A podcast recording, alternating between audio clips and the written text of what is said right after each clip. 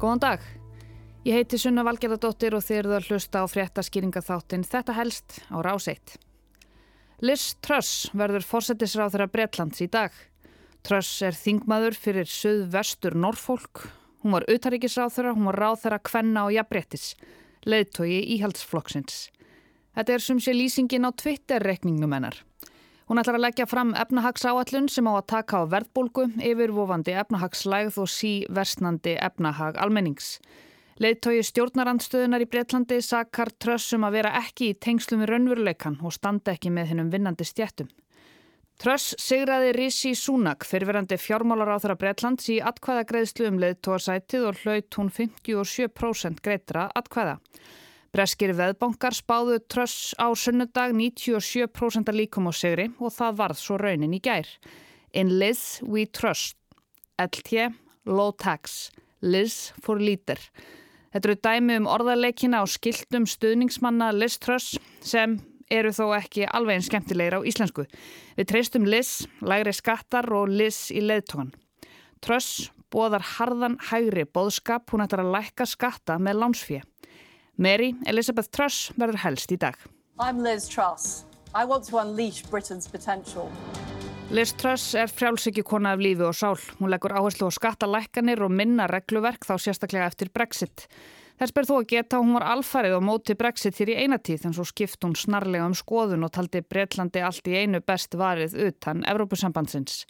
Sennilega ágættis kúvending fyrir Truss, hún væri líklega ekki á þeim stað sem hún er í dag ef hún hefði ekki skipt um skoðun.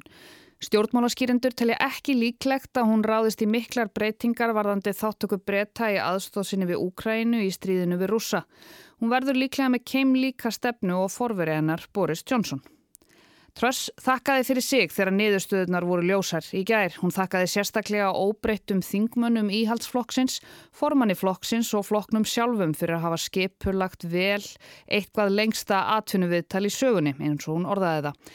Einnig taldi hún upp fjölskyldu sína, keppinautana um leðtóembættið og síðast Boris Johnson fráfarandi fórsettisráþra sem hún sagði hafa komið brexit í gegn, malað Jeremy Corbyn, dreift bóluefnum og staðið upp í hárunu á Vladimir Putin. Boris, sað hún, þú ert dáður allt frá kænugarði til Carlisle. Boris, you got Brexit done. You crushed Jeremy Corbyn. You rolled out the vaccine and you stood up to Vladimir Putin. Truss hefur aðalega látið sig innanríkismálinn varða í kostningabaratinu um leðtóasætið sem er svolítið áhugavert vegna þess að hún er einmitt utanríkisráð þeirra í ríkistjórn Johnson. Það hefur verið gaggrínt að svo ríkistjórn hafi ekki gert nógu mikið af því að nýta þessi tækifæri eftir að brettar fóru úr Evrópusambandinu að taka til í regluverkinu í kringum ESB. En hún ætla sannarlega að gera það. Og það eru mörg og erfið verkefni sem býðinar önnur en tiltækt í bákninu og skattalækkanir.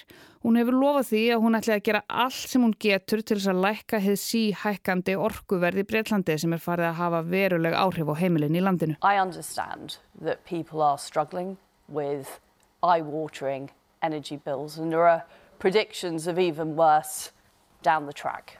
And I, I understand that. And I can say, Laura, that I will act. If I'm elected as Prime Minister, I will act immediately on bills and on energy supply. Saði Tröss í viðtali um helgina. Hún ætlar að grípa strax til aðgerða til þess að bræðast við þessum grátlega háa orkureikningi sem er að koma inn á öll heimili og virðist bara halda áfram að hækka. Það er heiður að vera kjörin leiðtogi íhaldsflokksins, sagði Tröss eftir að úrslitin voru tilkynnt. Takk fyrir að treysta mér til að leiða okkar stórkostlega land. Ég ætla að taka djörf skref á þessum erfiðu tímum, auka hagvöxt í landinu og leysa orku Breitlands úr læðingi. Unleash Britain's potential. En spólum nú aðeins aftur í tíman. Boris Johnson var ekki búin að vera fórsettisráð þeirra lengi þegar hann var búin að koma sér í vandræði og hann brást stundum við vandræðum með því að stokka upp í ríkistjórninni. Þann 15. september í fyrra fór hann í svoleiðis. Dominik Rapp var þá rekinn sem utanríkisáþra hann þótti ekki standa sig vel. Hann þykir hafa gert ímis mistökistarfi og meðal annars verið dregin til ábyrðar fyrir snautlega brottför breska herliðsins frá Afganistan í sumar. Liz Truss, ráþæra utanríkisviðskipta og langvinnsælasti ráþæra stjórnarinnar tekur við af Rapp. Hann verður þó áfram í liðinu hjá Boris Jónsson því að hann verður vara fórsættisráþara, domsmálaráþara og fórsætti lávarðadeildar breska þingsins. Þetta gerði þó ekki meira en svo fyrir ríkistjórn Johnson að í sumar þá hrundi spilaborgin algjörlega. Eftir fordæmalösar afsagnir úr ríkistjórninni ákvað Johnson Locks að segja af sér ennbætti þann 7. júli síðastliðin. Ég ætla ekki að fara nánar út í þann aðdraðanda hér og bendi hlustendum á þátt af þetta helst þar sem fjalla var um Boris og hans arfleif.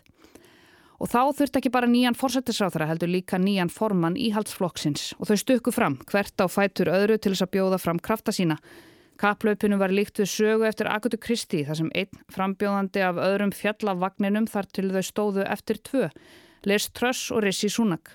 Truss var talin svo sem er hvað líkust Boris Johnson þegar kemur að afstöðu til skatta og efnahagsmála og rifust þau Sunak töluvert um það.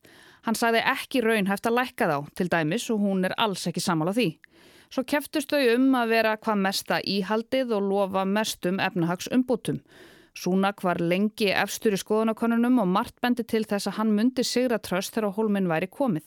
Hann grætti töluvert fylgi í atkvæðagreyslu í júli en hann var þó ekki vinsalastur meðal flokksfólk almennt, almenningsins, þó að stjórnmálamennir í íhaldsflokknum hafi margir hverjir stutt hann.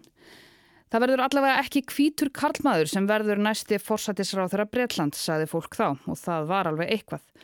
Truss var ekki endilega talin líklegust í loka baróttuna, sérstaklega í ljósi þess hversu ítlaða gekk hjá Johnson þarna á loka metrónum, en svo fór sem fór. I give notice that Liz Truss is elected as the leader of the Conservative and Unionist Party. During this leadership campaign, I campaigned as a Conservative and I will govern as a Conservative.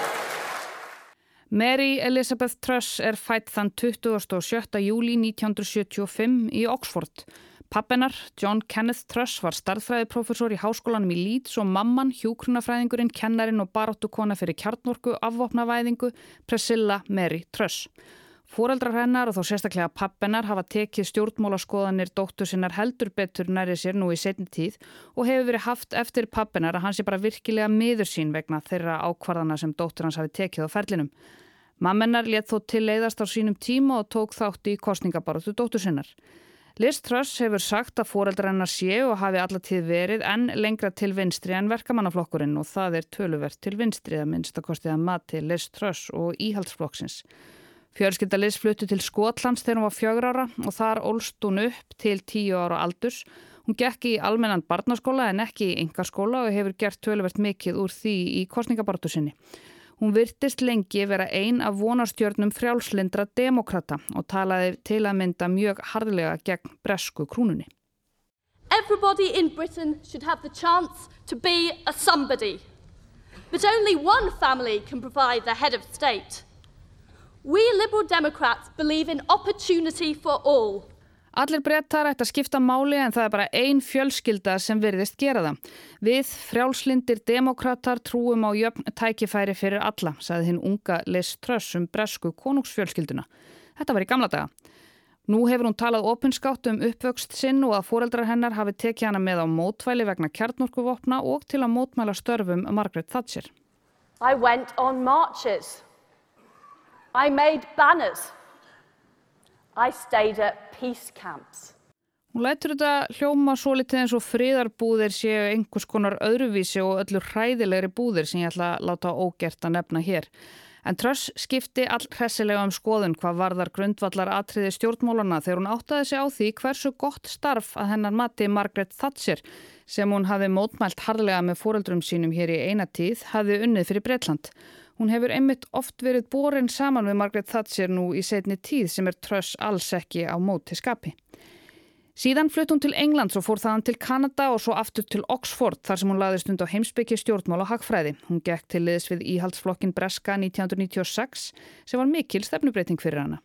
Hún vann fyrir stórfyrirtæki á borði Shell og Cable and Wireless næstu árin en svo vild hún komast inn í stjórnmálinn. Eftir nokkrar miðsefnaðar tilraunir til þess var Trösslokks kosin á Þing 2010. Tveimur árum síðar gekk hún til leðs við ríkistjórn David Cameron sem mentamálar á þeirra og undir stjórn Theresa May nokkrum árum síðar var hún valin dómsmálar á þeirra, fyrsta konan til að gegna því ennbætti.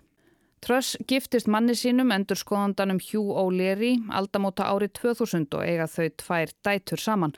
Tröss átti í ástarsambandi við þingmannin Mark Field á árunum 2004 til 5 Það var maður sem íhaldsflokkurinn hafi skipað sem einskonar pólitískan mentor Liz Truss.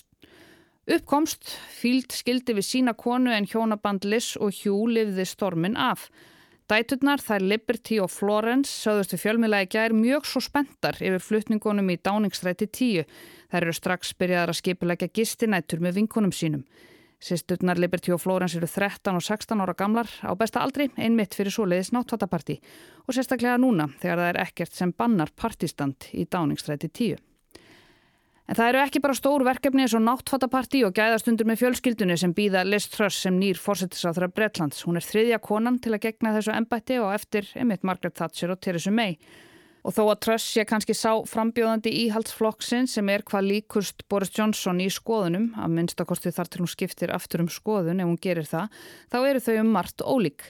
Truss er alvöru gefin stjórnmálamadur, hún er harðskeitt hægri kona, hún er nýfrjálsíkjukona. Ólafur Þótt Harðarsson, stjórnmálafræði profesor, bendi á þetta í fréttum í gær og sagði að aldrei hefði nokkrum manni dottið í hug að Boris Johnson hefði nokkra sannfaringu fyrir nokkrum einastar hlut í pólitík. Hún tekur við sennilega erfiðasta búi uh -huh. sem nokkur fórsettistráður hefur fengið í fangið í ára tögi. Uh -huh. Það er byllandi verðbólka í Breitlandi, framfæslu kostnaður íbúa er að rjúka upp úr öllu valdi, orkureikningar eru að hækka um alltaf 75% per heimili. Tröss ætlar að laga þetta með skattalækunum en ástandið fyrir marga virðist kalla á aukinn ríkisútgjöld. Ef hún ætlar að greiða niður orkureikningana þá kostar það mjög mikið og hún ætlar líka að setja peninga inn í heilbriðiskerfið. Þannig að hún er í klemmu Fáir stjórnmálamenn hafa fengið erfiðari verkefni en Liz Truss, saði Ólafur Þotn í fréttum í gær. Hann sagði að það þurfi mjög snjallan stjórnmálamann til þess að leysa úr þessari klemmu og kollegar Truss og andstæðingar eru ekki bjart sínir á framhaldið. Þeim finnst Truss einmitt ekki vera snjall politíkus eða svo er ekki að heyra. And that shows not only that she's out of touch, but that she's not on the side of working people. The one thing I would say is that if she governs as she has campaigned over the summer, she will be a disaster, uh, not just for Scotland but for all of the UK. Sögðu þau Nikola Sturgeon fyrstir á þeirra Skotlands og formaður skoska þjóðarflokksins og Kýr Starmer formaður breska verkamannaflokksins. Starmer sagði tröss úr tengslum og standa ekki með vinnandi fólki. Sturgeon var ekki að spara það og sagði að tröss erði einfallega hörmung ef hún haldi uppi sama hætti og í kostningabarátunni. Tröss hefur reyndar sömu leiðis verið mjög harðorði í garð störtjön undanfarið og meðal annars kallað hana aðteglisjúka og það væri bara best að leiða hana hjá sér sem er kannski ekki mjög virðingavert að verðandi þjóðarleið tóa breyta í garð skota og ekkert svar við skoskum sjálfstæðiskröfum eins og Sigrun Davísdóttir, bladamæður í London, benti á á morgunvaktinni á rás 1 í morgun. Störtjön rifjaði þá upp að þær hefðu hýst stuttlega á umhverfis ráðstefnu saminuð þjóðuna í fyrra. Það var þó ekki umhverfismálinn sem Truss var upptekinn af heldur spurðum Sturgeon hvernig maður kæmist í tískublaðið Vogue sem hefur fjallað um Sturgeon. Og Sturgeon saði að blaðið hefði haft samband við hana og væri reyndar í annarskipti sem hún væri í Vogue. Og svarið virtist að Sturgeon fá ábyrjandi mikið á Truss. Það kemur svolítið heim og sama við að sem ráð þeirra hefur Truss ferðast um með ljósmyndara á kostnaríkisins og óspart mynd, eh, byrt eh, flottar myndir á Instagram. Mary Elizabeth Truss tekur formlega við fórsættisáþra embættinu í dag, þriðju daginn 7. september 2022. Boris Johnson hittir Elisabethu drottningu í Balmoral Kastala í Skotlandi í dag og hættir formlega sem fórsættisáþra. Truss kemur svo til drottningarinnar sem hún talaði nú ekki mjög fallega um hér í eina tíð og tekur við taumunum. Johnson virðist þó ekki vera tilbúin að hveðja stjórnmólin eða kannski sviðsljósið bara því hann dadraði all hressilega við endurkomu sína í hveðjuræðu sem hann held í morgun. Það getur verið erfitt að hætta að skipta máli eins og hefur marg sínt sig um allan heim líka hér heima þegar stjórnmólamenn hætta að vera stjórnmólamenn. En í dag er fyrsti dagur valdatíðarlis Truss sem leðtói Breitlands og verkefnin sem hennar og ríkistjórnarinnar býða eru sögð með þeim erfiðari nú í setjum tíð. I've proved time and time again that I can deliver even when it's difficult. Við verðum líklega öll að vona að henni takist vel til en það verður tíminn einna leiða í ljós. Hægri konan sem fór í fríðarbúðir var helst í dag. Takk fyrir að leggja við hlustir og við heyrumst aftur á morgun.